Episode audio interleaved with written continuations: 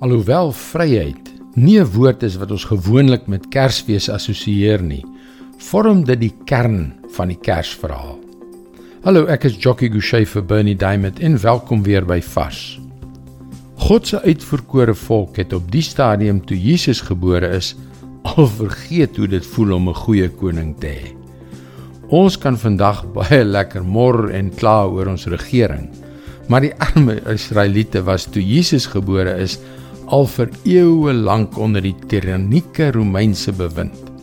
Om dit erger te maak, was koning Herodes wat oor Judea geheers het, 'n bondgenoot van die Romeine.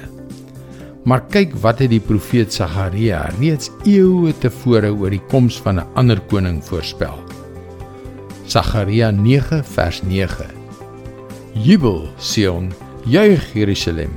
Jou koning sal na jou toe kom Hy is regverdig en hy is 'n oorwinnaar. Hy is nederig en hy ry op 'n donkie, op die hingsvel van 'n donkie. Jesus was inderdaad 'n heel ander soort koning vir Israel. Hy was 'n goeie koning, 'n nederige koning. Hy's nie net in 'n nederige stal in Bethlehem gebore nie, maar hy het 3 dekades later op pad na die kruis op 'n donkie gery wat simboliseer dat hy nederig en in vrede die stad binnekom. Wanneer ons hom die koning en die Here van ons lewe maak, dan ontdek ons vryheid. Vryheid van die tirannieke heerskappy van ons sonde. Vryheid van die leuns van hierdie wêreld. Vryheid om te wees wie hy ons gemaak het deur die oorwinning wat hy behaal het.